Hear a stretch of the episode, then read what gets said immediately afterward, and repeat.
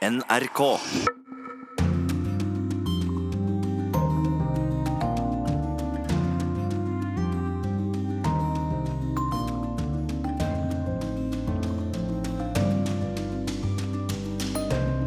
Dette er Urix på lørdag, som også inneholder podkasten Krig og fred, som er en temmelig stor perle det er verdt å vente på. Den kommer rett før brevet, som denne gang er ført i pennen av Anders Magnus. Men det er mer. Trump har snakket i natt om Roy Moore. Det koker i Midtøsten, der er Sigurd Falkenberg Mikkelsen, og det høres jubel i Irland, der Øyvind Nyborg er. Følg med i de neste 57 minuttene. Ja, To palestinere er drept i natt under et israelsk luftangrep mot det som skal være en Hamas-base på Gazastripen. Det melder lokale helsemyndigheter.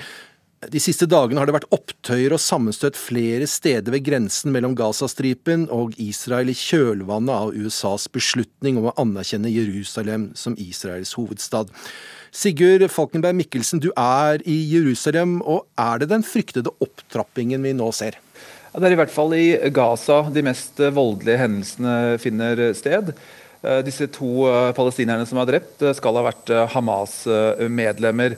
Og De ble jo da drept i et israelsk flyangrep etter at to eller tre raketter ble skutt innover mot Israel. En av de landet i nærheten av Sederot, denne byen som ligger sør i Israel, uten at den gjorde noe skade. Også I tillegg til det så ble det også en, en palestiner skutt og drept av israelerne ved grensen tidligere. Eh, så det er klart at I Gaza så er det mer voldelig enn eh, andre steder. og jeg tror nok også at eh, Jerusalem der virker enda fjernere enn for folk, i hvert fall her i, i, i Øst-Jerusalem eller også på Vestbredden. De er jo helt innesperret.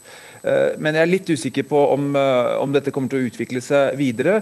Jeg tror ikke Hamas er eh, veldig interessert i en større eh, opptrapping, og heller ikke israelerne. Men det er klart at det kan endre seg eh, hvis dette fortsetter.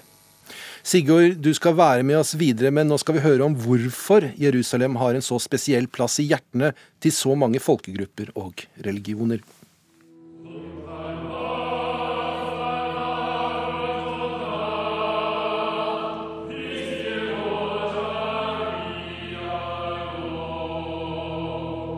Ifølge første kongebok gjorde kong David Jerusalem til hovedstad allerede 900 år før Kristus. Da staten Israel ble opprettet i 1948, var det ifølge FNs delingsplan for Palestina meningen at Jerusalem skulle være en internasjonal by under FNs overhøyhet. Men slik ble det ikke. Etter en kort krig mellom Israel og arabiske nabostater ble byen delt mellom Israel og Jordan, eller Vest-Jerusalem og Øst-Jerusalem. Under seksdagerskrigen i 1967 okkuperte Israel hele byen. Og Mordechai Gur kunne melde over radiosambandet at de nå står framme ved Vestmuren, eller Klagemuren som den også er kjent som. Jerusalem ble erklært som Israels hele og udelelige hovedstad. Og de 13 landene som hadde sine ambassader i Jerusalem, flyttet til Tel Aviv. For dette ble ikke internasjonalt anerkjent. I 1980 ble Jerusalem-vedtaket nedfelt i Israels lover, men FNs sikkerhetsråd erklærte det vedtaket for ugyldig.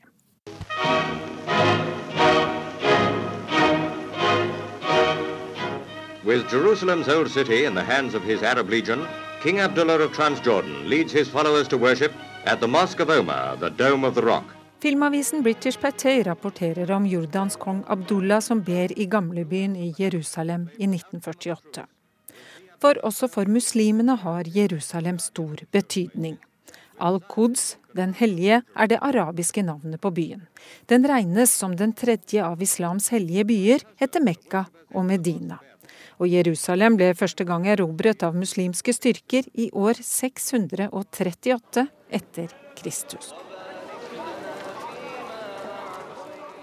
Ifølge islamsk tradisjon reiste profeten Mohammed om natten på et bevinget muldyr fra Mekka til Jerusalem, og steg derfra opp til himmelen. Det er særlig to bygg i Jerusalem som er viktige for muslimene. Al-Aqsa-moskeen og Klippemoskeen, eller Klippedomen. Klippedomen er bygget ved klippen som var utgangspunktet for profetens himmelferd, og er et viktig mål for muslimske pilegrimer, særlig under fastemåneden ramadan.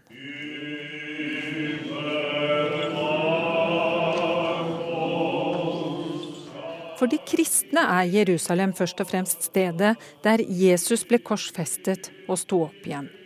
Den hellige gravs kirke, bygd på det stedet der tradisjonen sier at Jesus ble gravlagt, er det viktigste stedet for kristne pilegrimer.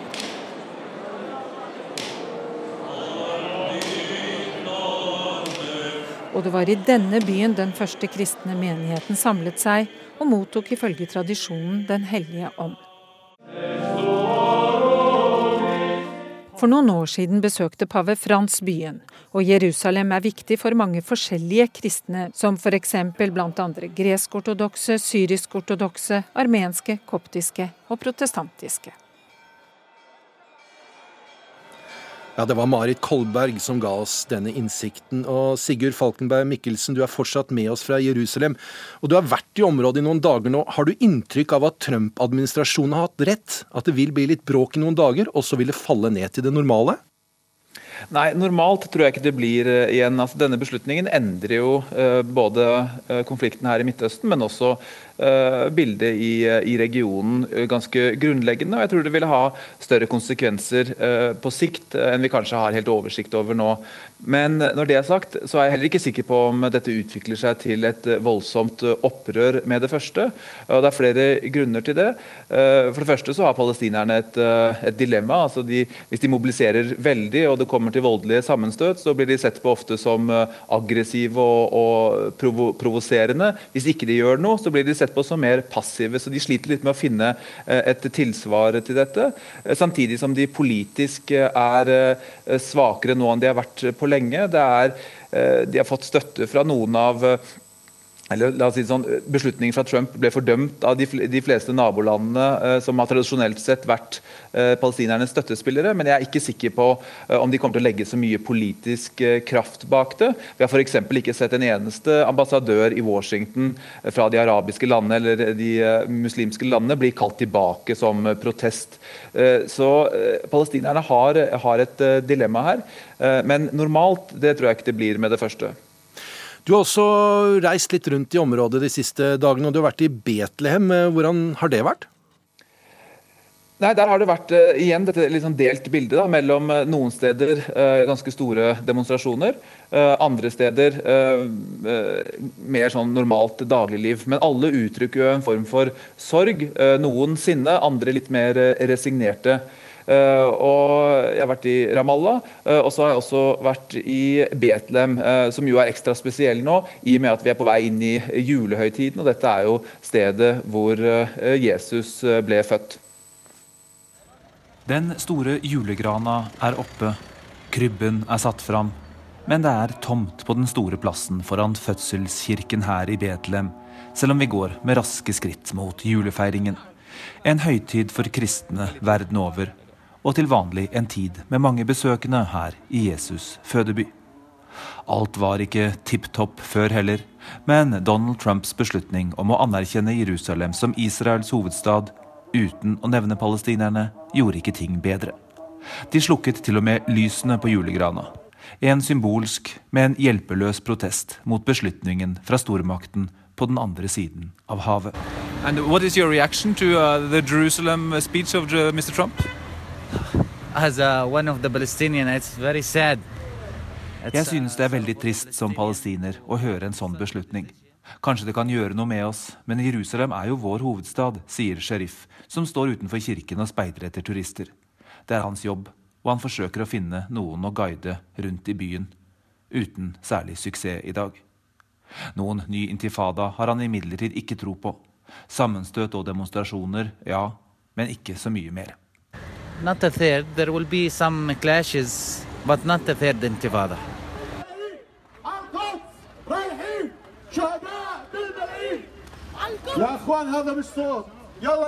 Og litt i utkanten av byen tar det ikke lang tid før nettopp det skjer. En demonstrasjon stanser ved den israelske muren. Vannkanonene begynner å spyle demonstranter, og like etter rykker de israelske soldatene ut, og gatene dekkes av tåregass, røyk fra brennende bildekk, lyden av gummikuler som blir skutt mot demonstrantene, og ungdom på palestinsk side finner fram steinene og slyngene sine. Actually, we're all here at Palestinian youth because we are protesting against the, uh, the decision that Trump has made against Jerusalem. Der møter jeg Nadim fra en flyktningleir rett i nærheten. En ung mann med tykke, sorte briller og caps. Han synes det er deres rett til å protestere mot både okkupasjonen og Trumps beslutning. What do you think about these uh, these clashes going on behind us? Actually, it's our right to protest uh, again, uh, protest in a peaceful way against uh, the Israeli occupation. You can see the wall is next to us. Uh, we're living in refugee camps here, so we can. It's our right to protest any day, not only today. But because of this decision, today we are in a big group.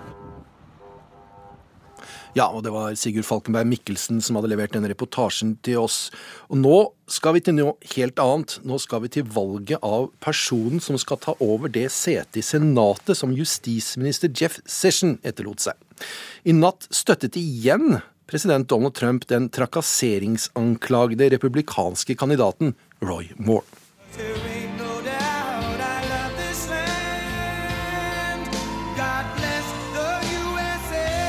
Til tonene av Lee Greenwoods 'God Bless the USA' gikk Donald Trump inn i den fullsatte salen i Pensacola. Byen ligger i Florida, men det ble raskt klart at mye av budskapet presidenten hadde i natt, var rettet mot velgerne i Alabama. For det er der det store slaget skal stå på tirsdag. Kampen om en plass i det amerikanske senatet. På republikanernes side i kampen står den trakasseringsanklagede Roy Moore, en mann Donald Trump gjentatte ganger har støttet, noe han også gjorde i natt. Vi vil ha that som rights. Great trade deals instead of the horrible deals.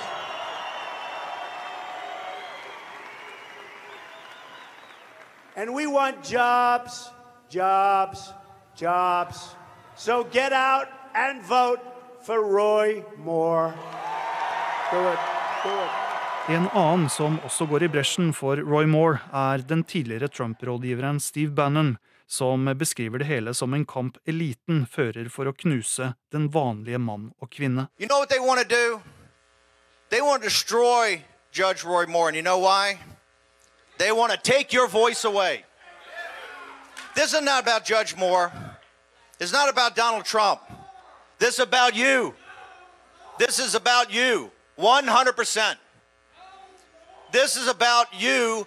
They're taking your voice away. Den 70 år gamle Roy Moore bestemte seg for å stille som kandidat til senatsvalget i Alabama etter at han for andre gang hadde blitt suspendert fra sin posisjon som dommer i statens høyesterett. Da begynte anklagene om seksuell trakassering å komme til overflaten. He was trying to pull me toward in between his legs. It was terrible.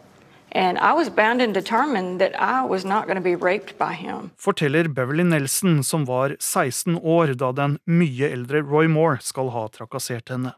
Nelson er ikke den eneste. Flere kvinner har kommet med anklager. Roy Moore er veldig tydelig på at han ikke har gjort noe galt mot noen. These allegations are completely false. They're malicious.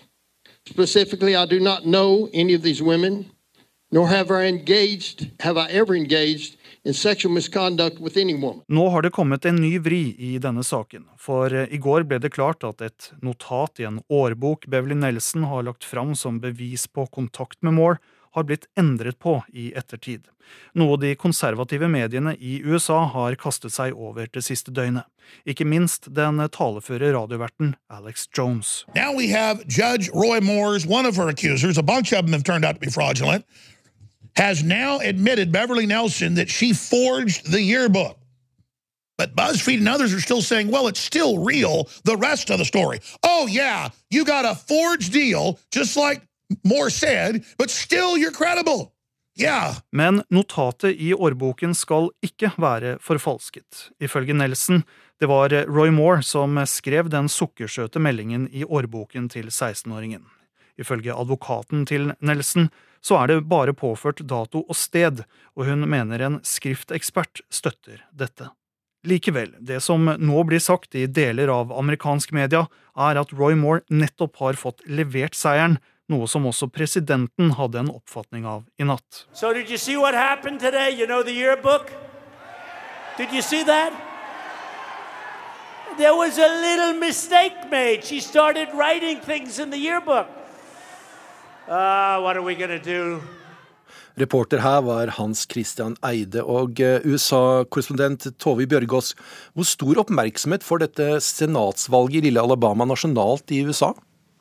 Det får helt enormt stor oppmerksomhet. Det er faktisk den saken som har preget nyheten her i flere uker.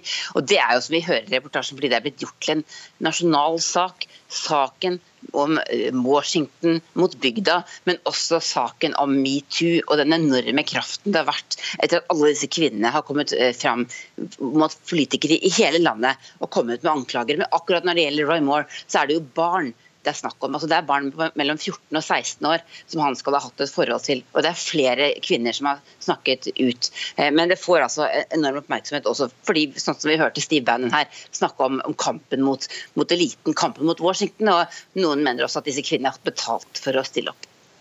Hvordan ser det ut på meningsmålingene for Roy Moore nå? Det ser dårligere ut enn det gjorde. Doug Jones heter den demokratiske kandidaten. og Han har ledet på noen målinger de siste dagene, men det er svært jevnt. Og, og Normalt så skal det være nærmest umulig for en demokrat å vinne dette senatssetet i svært republikanske Alabama.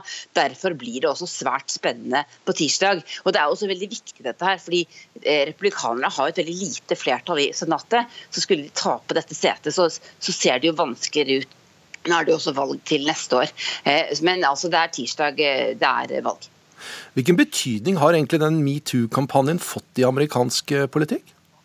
Den har også dominert nyhetene totalt her, midt oppi alt det andre vi, vi står oppi. Faktisk så har den saken nesten fått større oppmerksomhet enn det som skjedde i forhold til Jerusalem denne uka. Eh, og Det handler også om at i eh, Washington så har en rekke kvinner ansatte i Kongressen, altså politikere, stått fram og sagt at eh, de er blitt antastet av mannlige politikere. Og Denne uka gikk også en annen senator som heter Al Franken, en demokrat. Han gikk av. Han ble presset til å trekke seg etter anklager om seksuell trakassering, som er mye mye mildere enn de vi hører om når det gjelder eh, Moore her. Men han eh, mente at han måtte gjøre det fordi demokratene må, må virkelig stå på den riktige siden av denne historien. Men det har gjort at en del politikere, med en som heter Kirsten Gillibrand, en senator i spissen, eh, har sagt at nå orker vi ikke mer av dette. De vil ha helt nye regler for eh, hvordan kvinner kan få sagt ifra. Og etter hva jeg har hørt de siste dagene, så vil det også i den uka som kommer nå, komme en rekke nye navn på denne lista over politikere som sitter i Kongressen nå, som har eh, forgrepet seg, eller i hvert fall gått over streken med seksuell trakassering av kvinnelige kolleger og ansatte. Dette vil du helt sikkert følge mer med på, eh, Tove Bjørgaas. Tusen takk for denne rapporten. Så nå skal vi til noe helt annet. fordi på de britiske øyer er gleden stor etter det som blir kalt det store gjennombruddet i forhandlingene om brexit. Nå skal britene nemlig være klare til å forhandle om selve handelsavtalen med EU.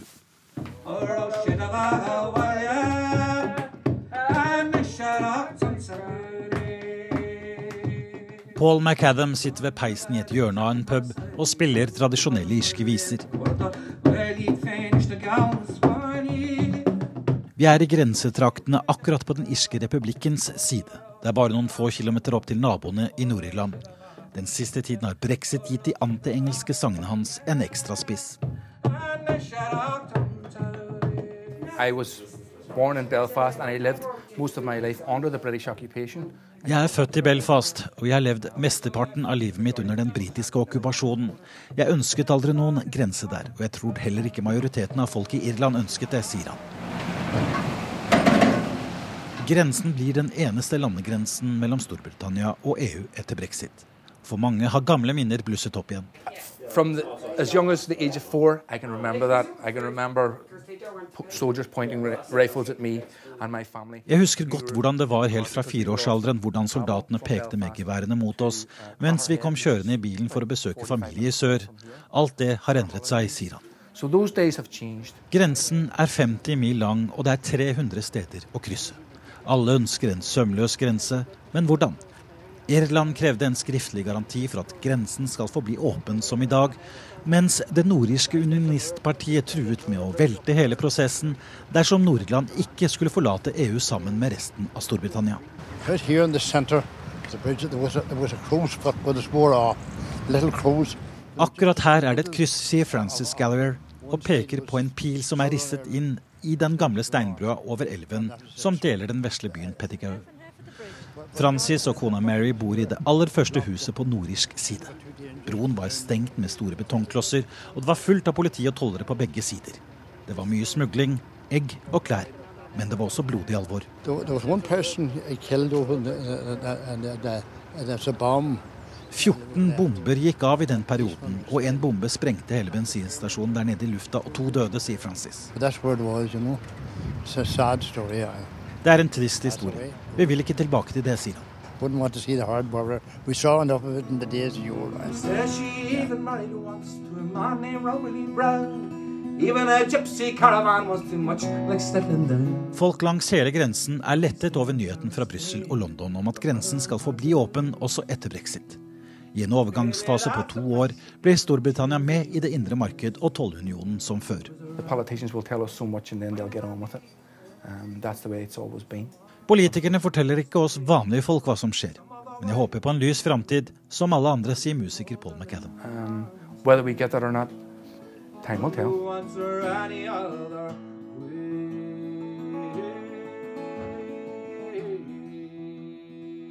Øyvind Nyborg, Dublin.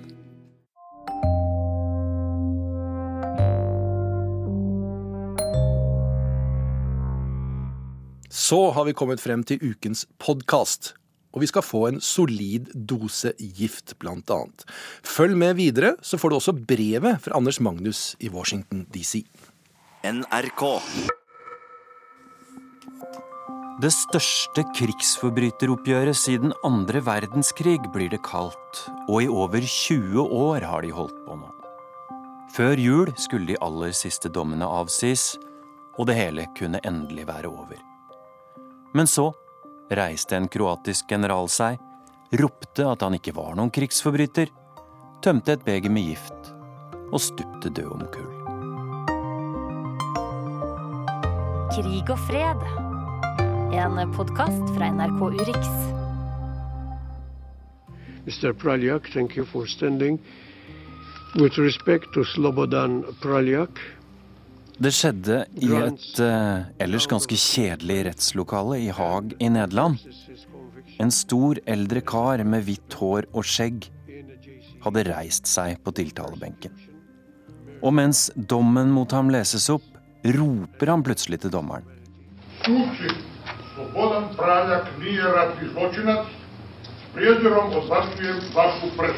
Stopp, please. Tar fram det som ser ut som ei lita lommelerke, og styrter i seg innholdet, rød i fjeset og vill i blikket. Monsieur le Président, il, il, il vient. Notre, notre client dit qu'il a, qu'il a bu un poison ce matin. Ok. um, uh... Vår klient har tatt gift, roper en stemme på fransk. Og en forvirra dommer beordrer teppefall. We suspend, please, the curtains. S sorry, uh, uh, Your Honors. Izvinjavam se, on je... Rekao, rekao, šta je rekao?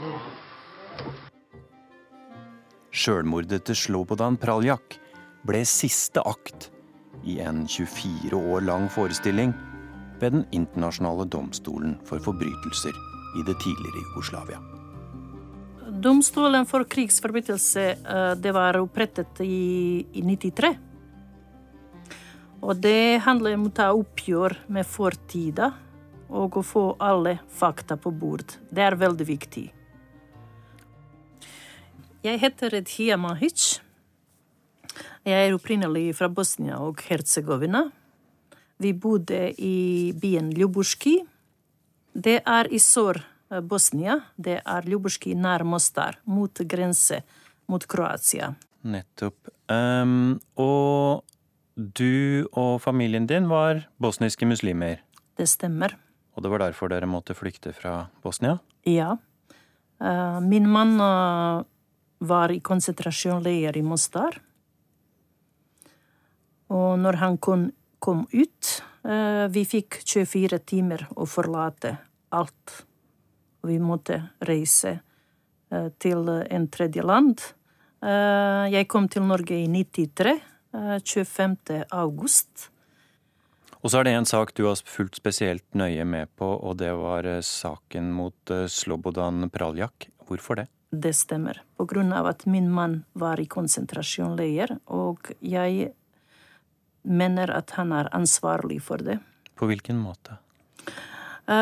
Min mann var ikke noe, uh, i noen militære, og han uttalte seg i, hele tida at han ønsker ikke å gå i militæret, fordi det er ikke hans krig. Og han var invitert av Slobodan Praljak på et måte, og neste dag det kom politi og hentet han uh, i, på hans jobb. Så du tror at Slobodan Praljak var mannen som beordret din mann i konsentrasjonsleir? Ja. ja. Hva har du tenkt om ham siden? Uh, det jeg ønsket hele tida, at han uh, kommer uh, til retten og tar ansvar for det som han har gjort. Hva tenkte du da han tømte dette giftbegeret og tok sitt eget liv for åpent kamera under rettssaken, da?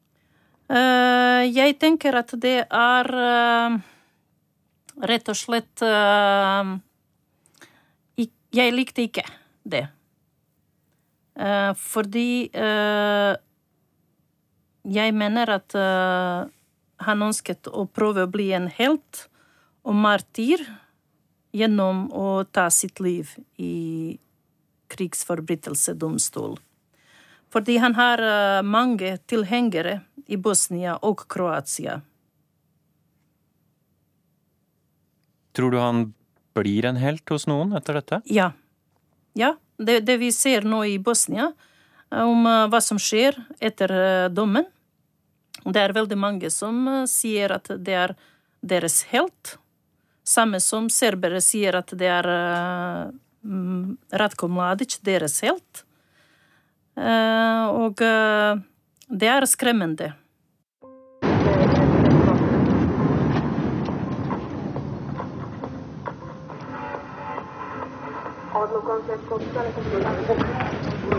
No safe places in East Mostar. BBCs utsendte rapporterer fra krigen i Mostar i Bosnia sommeren 1993. Since May, Bosnian Croats, aided and abetted by the Croatian government, have been laying siege to about 60,000 people in East Mostar. Almost all of them are Muslims, and they're fighting back hard. Den østlige og muslimske delen av byen er beleira av bosniske kroater. Ennå er det noen måneder til en general ved navn Slobodan Praljak skal beordre den 500 år gamle steinbrua over Mostar sprengt i fillebiter. 2,2 millioner mennesker måtte flykte. 100 000 ble drept i krigen som varte fra 1992 til 1995. Franja Pavlovic, who was born a Croat, made the mistake of going out to repair some shell damage on what had started out as a quiet morning. And Franja Pavlovic, you know, I tried to do first aid for him, but they, I couldn't find a wound to start with. So we you know, he was carried, I helped them carry him to a fire engine, and we, we drove through the streets of East Mostar in this fire engine, took him to the war hospital, which was in a, in a basement, you know, full of blood. And uh, it's, he just had a very small hole in his chest from a piece of shrapnel, single piece of shrapnel into his heart. That was what killed him. Uh, you know, his body was unmarked and, and didn't even bleed that much as a result of that. So it was, you know, it was another of the kind of tragedy that would happen there, you know, sometimes every hour. And you just happened to catch this one? Yeah. Everything from the explosion to this had taken about 10 minutes. The hospital was ready for the next casualties. Jutros må probably see Yes, my name is Jeremy Bowen. I've been a foreign correspondent for the BBC for about 30 years, and back in the 1990s, uh, for quite a long time, my main job was going to former Yugoslavia, including Bosnia. You covered the war in Bosnia, and you also testified in court in The Hague. Who was Slobodan Praljak? Praljak was the, the leader of the, the fighting force, the militia of this little state of Herzeg Bosna. and it was known as the HVO, the HVO. This force was used to try to force people who weren't Croats to leave this territory that they claimed. And why were you called uh, upon to testify in The Hague? Well, I was called upon to testify in The Hague in this particular trial, and in total I testified in, in three separate trials there. But in this particular trial, my role, if you like, was to try to testify about the physical condition of people, including civilians, mostly civilians, in Mostar and besieged East Mostar at that time because I saw things, for example, like uh, Muslim civilians being kicked over the front line under fire from the Croat side, people who were being thrown out of their houses, who were who were all talking about murders they'd seen, about ethnic cleansing, about brutality, and all of that was accepted as evidence by the tribunal. How would you describe uh, the, the the trial in The Hague? You actually were. I was actually in the witness box for quite a long time, over a couple of days, and they were. They asked lots of questions there were lawyers asking questions, but as well as that, some of the defendants asked asked questions, and among them was Praljak himself. And he asked you questions. What did he ask you about? Well, I've had a look, little look back at the, you know, it's 2007, so to remind myself, I, I had a little look back, and a, a lot of what he was trying to do was to discredit me as a witness, as a matter of fact, saying that what I had reported really wasn't correct. Now, uh, you know, of course, I disputed that and I, you know, I said I've actually got quite a lot of documentary evidence. So he was, uh, you know, he he was a, a sort of red-faced man with a big beard, and he stood out next to the other defendants who all looked very ordinary. You know, they looked like bank managers or something, but he was a guy who looked fierce, and he was he seemed to be absolutely outraged that he was in the dock, being charged as, as a war criminal with things that he felt, I think, were simply doing his duty. So, um, in a way, I wasn't surprised when I heard that he killed himself, because you know, even du- during the trial, which was ten years ago, even then he was very angry about the situation he was in. Did you ever meet Slobodan Praljak during the war? No, I didn't. No. I didn't meet him, um, and that was one of his complaints. He said you know, we really invited you to come and look at our side. And I said, you didn't actually. We asked and you wouldn't let us. uh, he, no, that's not true. And I said, well, I'm afraid it is true because that's what happened. But this is 24 years ago now. You testified 10 years ago and the verdict came last week. This has taken quite some time. Yeah, one criticism I suppose you could say about the ICTY is that it was a very slow process they would say they had to get it all right, that they had very large number of witnesses, they had to make a, a, a documented body of evidence. I admire the work that they've done there, that they did there. It was they put together a real story of what had happened at some of the worst times in Bosnia Herzegovina in the war. I remember when I first heard that a tribunal was being created, and I was in Sarajevo at the time, the war was still going on all of us journalists, we were a bit, you know, scornful about it. We were mocking it because we thought, come on, how on earth are they going to get hold of people? How on earth are they going to convincingly get these guys into court? But, you know, they did. And all the big names were brought in front of a court and forced to testify, and now there is a record and they were also punished. And I think that that's a very good precedent. So, yeah, I think that they did a good job. I think that they, you know, it wasn't an easy job, and it was it took a great deal of persistence and tenacity, but they got there.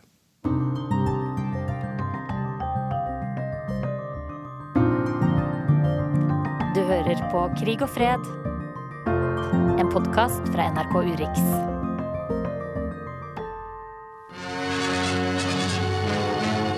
No chances were being taken at Nuremberg as the hour of verdicts and sentences approached. The first individual verdict dealt with Göring. Men det første jeg tenkte på, det var eh, at Herman Göring gjorde jo noe lignende under andre verdenskrig. Han ble jo dømt til døden ved Nürnberg, eh, og godtok ikke den um, henrettelsesmetoden som domstolen hadde valgt for han, og, og begikk selvmord uh, rett før han skulle henges, rett og slett, med samme type gift som Praljak har brukt. Så, er det den historiske parallellen som er nærmest her? Det var det jeg tenkte på med en gang, for det er den historiske parallellen. Men det er jo en stor forskjell her er at Paljak presterte å gjøre dette i åpen rett mens de filmet, mens dommen ble opplest. Jeg heter Sofie Høgestøl, og jeg er stipendiat ved Norsk senter for menneskerettigheter, hvor jeg forsker på, egentlig på krig, fred og forbrytelser. Hva husker du av Jugoslavia-krigen? For meg er jo den første krigen jeg sånn ordentlig husker. Jeg var jo ni i 1995. Eh, jeg husker eh, at vi fikk eh, flyktningsbarn på skolen min i Bergen. Jeg husker bildene fra fangeleirene. Det gjorde sterkt inntrykk på en, en niåring. Ikke minst fordi at bestefaren min var krigsfange under andre verdenskrig, og han snakket veldig lite om, om sine opplevelser under krigen. Men eh, jeg husker at, at, jeg skjønte at de bildene på Dagsrevyen det gjorde sterkt inntrykk på han.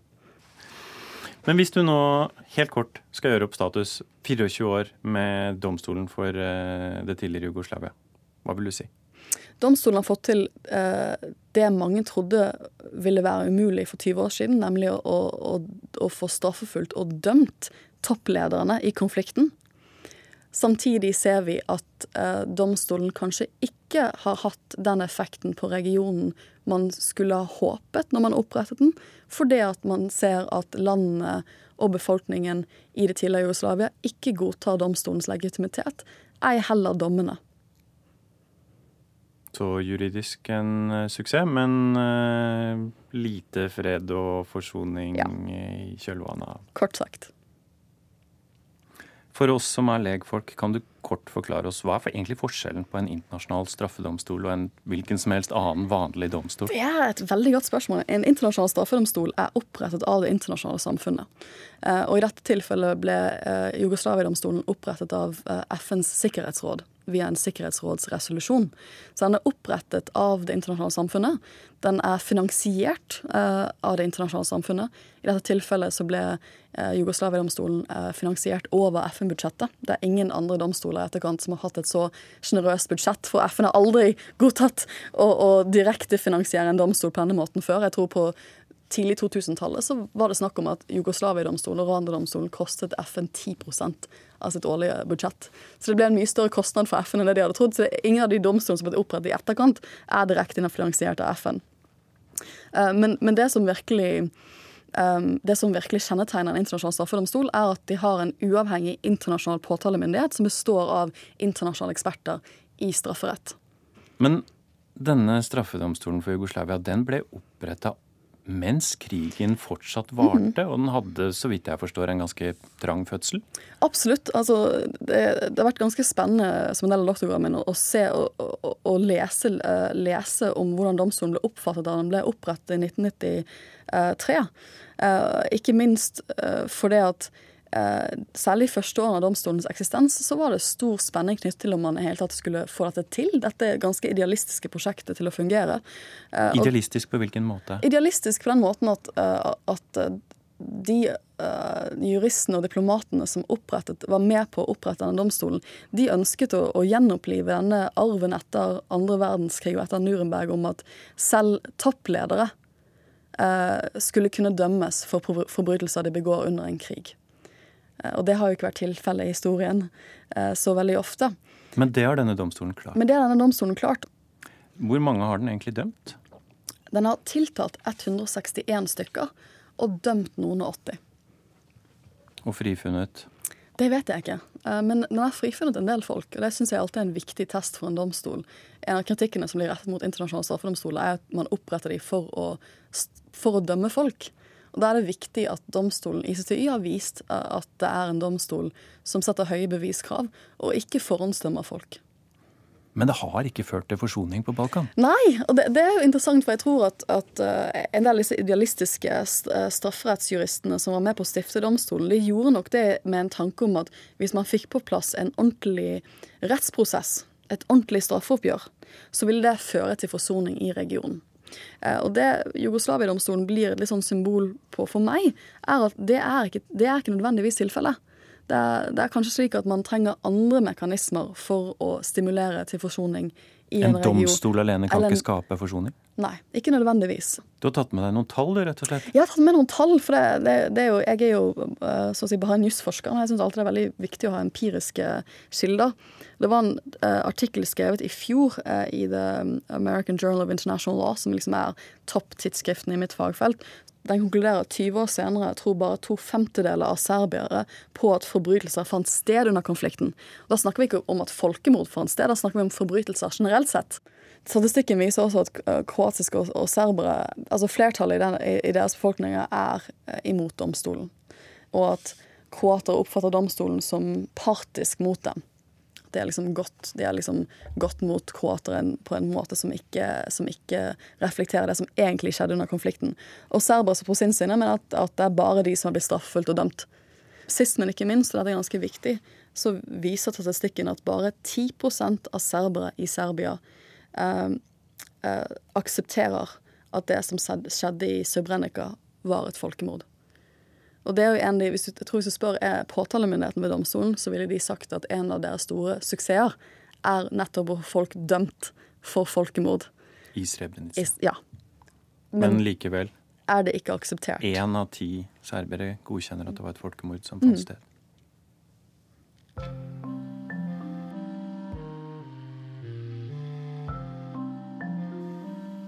It doesn't quite seem that this court has managed to bring some sort of reconciliation to Bosnia and former Yugoslavia.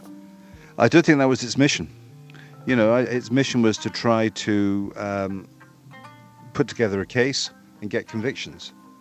It wasn't there to rebuild the country or bring national unity. The problem in Bosnia is that it's still divided on ethnic lines. The Dayton Agreement, which ended the fighting in 1995, essentially froze the position as it was then. And, you know, that's 22 years ago. And unfortunately, it hasn't unfrozen. And, you know, economically, the place has suffered. There are still a lot of hatreds. Uh, the people haven't been able to create an attractive enough new reality to make it easy for them to move on. There's a new generation now. So, you know, I think the thing about places where they've had terrible wars is they are quite reluctant to have other ones. But equally, it's very hard for them to, to move on and try and rebuild lives. But that's something that they need to do. Uh, you know, without economic success, that's very difficult. Mm. But but if the country is split up along ethnic lines, uh, to, to some extent, the irony would be that the the war criminals actually somehow managed their goal. Yeah, that is an irony. Um, you know, Milosevic of Serbia, Karadzic, Mladic on the on the Bosnian Serb side. Those guys um, who were the leaders of Herzeg Bosna, uh, Franjo Tudjman, the then president of Croatia, who was never put on trial, of course. Um, yeah, they wanted countries based on ethnic lines, and they've more or less got them. Min mormor, min onkel, eh, min mors eh, fem tante og fem onkler er drept under krigen. Min søster mistet mannen sin. Eh, flest av dem vi aldri funnet lik. Vi vet ikke hva som skjedde, eh, hvordan det skjedde. Og det er så vanskelig å leve med dette og tenke på det. Spesielt jeg tenker på min eh, mormor, eh, som var 86 år gammel. Som eh, jeg hver dag tenker på henne og tenker hvordan hun ble drept. Har domstolen gjort det enklere for serbere, kroater, bosniske muslimer å legge krigen bak seg? Det er vanskelig å legge bak seg. Jeg trodde også at jeg selv har eh, lagt bak meg, men uh, med følelse Det står på noen plass i mitt kropp om det alt som skjedde, og det er så vanskelig. Men eh, her i Norge jeg har mange venner, både serbiske og kroatiske. Eh, og vi har god kontakt. Jeg har eh, mine serbiske naboer fra hvor jeg bodde før, med mine kroatiske venner fra byen Ljubuški. Og det er veldig viktig at bygges brua, at folk går videre.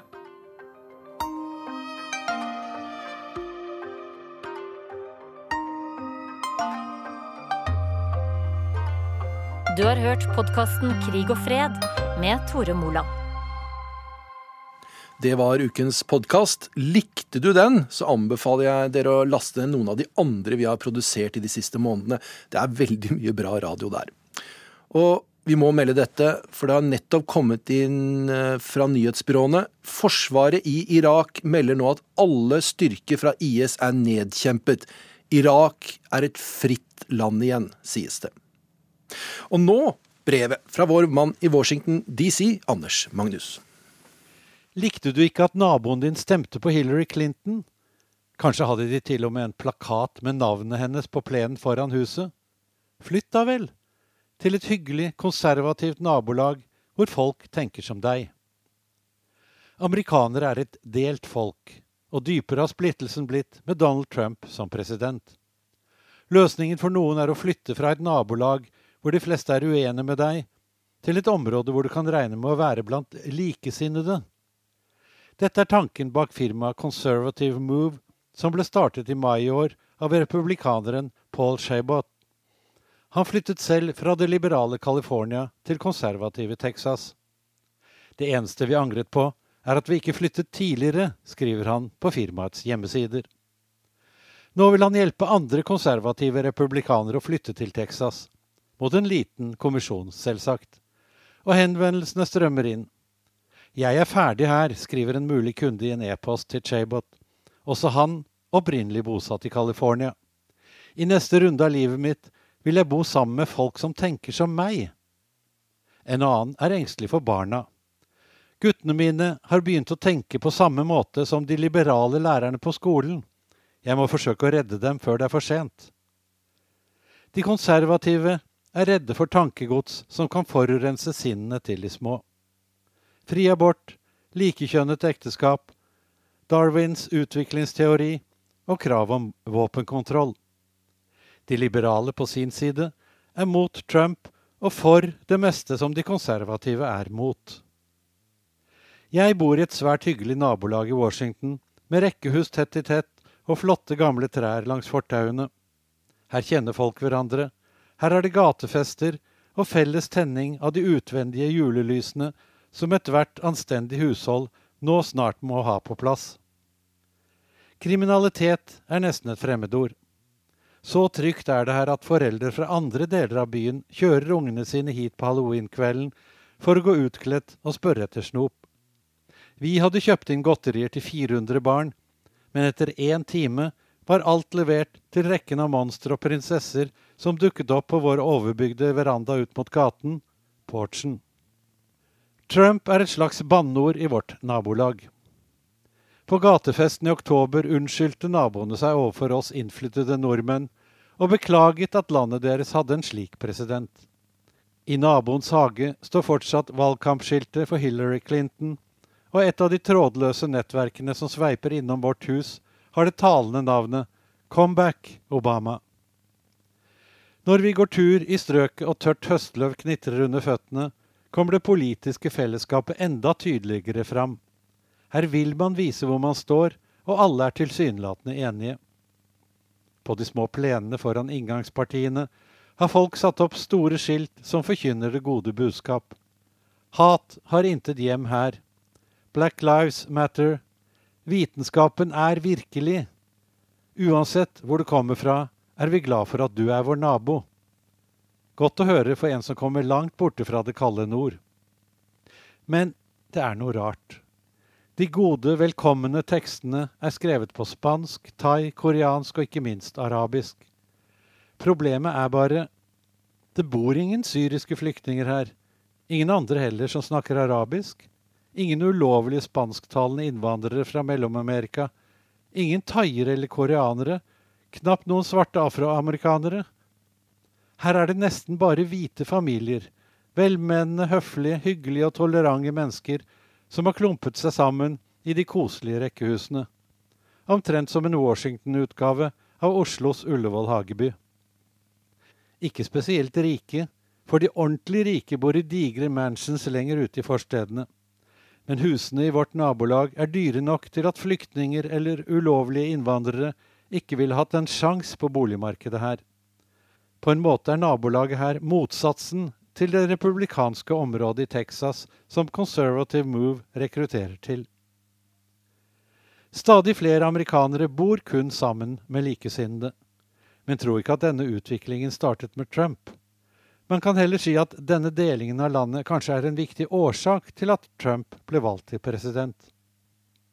Det politiske kartet over USA etter valget i 2016 viser hvor langt denne utviklingen har gått. Donald Trump vant flertallet av statene og flertallet av valgmennene, og hadde sin styrke i Sør- og Innlandet. Hillary Clinton vant langs Stillehavskysten og de nordlige atlanterhavsstatene. Siden det her bor flest mennesker, fikk hun tre millioner flere stemmer enn Trump. Men den amerikanske valgordningen favoriserer stater der det bor færre mennesker, akkurat som den norske valgordningen gjør. Dermed blir det mulig å vinne selv med færrest stemmer, både i USA og i Norge. Utviklingen i det politiske landskapet har mye å gjøre med hvor man helst vil bosette seg. En stor undersøkelse fra forskningssenteret Pew viser at de som betrakter seg som liberale, helst vil bo i mindre boliger som ligger tett sammen, og hvor det er gangavstand til skoler, restauranter, bibliotek, kirker osv. Konservative foretrekker større hus, som ligger langt fra hverandre, og synes ikke det da gjør så mye om de må kjøre langt av sted til skolen, til kirken eller til serveringsstedet. Slik har etter hvert storbyene langs kysten blitt fylt opp med demokratiske velgere, og innlandsområdene med republikanere. Geografien bestemmer vel så mye for partivalget som synet på politiske saker. Det var to store paradoks ved valget av Trump i fjor. Han var den rikeste kandidaten, men appellerte best til de fattige velgerne. Han var også den mest urbane presidentkandidaten i amerikansk historie. Oppvokst i Queens i New York City, med bolig i en skyskraper på Femte Aveny, appellerte han ikke til sine egne i storbyen, men tvert imot til folk som bor spredt over store landområder i Midtvesten og The Deep South. I sørstaten Alabama møtte jeg selv en god del av dem. Sterkt religiøse mennesker som ikke kunne få lovprist nok en president som aldri har vist særlig kristne tendenser, verken i forretnings- eller privatlivet. Men de evangelikale som dominerer landsbygda her, har stor tro på at Trump vil være en forsvarer av deres kjernesaker. Mot fri abort, mot likekjønt ekteskap, og kanskje viktigst av alt, retten til å ha og bære våpen. I de mange kirkene på landsbygda i Alabama ser man stort sett bare hvite mennesker. Vi har gått fra dør til dør og invitert de svarte til kirken vår, fortalte pastor David Gonella til oss. Men de kommer ikke, beklaget han seg. Afroamerikanerne i Alabama bor helst i delstatens største byer, slik de gjør over store deler av Amerika, men ikke nødvendigvis i samme nabolag som hvite byborgere. Segregeringen lever videre, viser en undersøkelse fra The Brookings Institution i fjor. Hvis tallet null er målet for full integrering og 100 for full segregering, lander de fleste storbyområder i USA på mellom 50 og 70. Mine liberale, hvite naboer i Glover Park ser sterkt fram til valget i 2020. Da skal de få en ny og helst demokratisk president. Det kan være de foregner seg. Kanskje kan Trump vinne nok et valg. Mange peker på Texas og andre stater med stor innvandring av latinamerikanere, at de etter hvert vil svinge fra republikansk til demokratisk side. Problemet er imidlertid at de nye landsmennene i liten grad går til stemmeurnen, og at valgordningen vil premiere stater der Trump fortsatt står støtt som fjell. Valget til Senatet, nasjonalforsamlingens øverste kammer, er enda mer skjevfordelt. Hvis befolkningsutviklingen fortsetter som nå, vil 70% av alle amerikanere bo i de 15 største statene om litt over 20 år. De vil da ha 30 senatorer som representerer dem fra stater som California, New York og New Jersey, hvor demokratene dominerer. Mens de resterende 30% av befolkningen vil ha 70 plasser i Senatet. Fra stater som i stor grad stemmer republikansk. I forrige måned feiret amerikanerne thanksgiving, en høytid som kanskje er viktigere enn julen, og hvor svært mange reiser hjem til stedene de kommer fra. Og der kan det hende de treffer på slektninger som har et helt annet syn på president Trump enn dem selv. Derfor var aviser og nettsteder fulle av oppskrifter på hvordan man skulle unngå en krangel om presidenten rundt thanksgivingsmiddagen. Etiketteeksperten Lizzie Post var en av dem som ga gode råd. Nå har vi holdt på i nesten ett år med denne politiske samtalen, men under høytiden bør vi fokusere på det som bringer oss sammen, sa hun. Jeg tviler på om de egentlig klarte det. For den store smeltedigelen USA splittes nå mer og mer, både geografisk, befolkningsmessig og politisk. Urix på lørdag er over. Vi kommer tilbake med mer. Ansvarlig i dag har vært Eli Kyrkjebø, Tom Ingebrigtsen og jeg, Halvard Sandberg.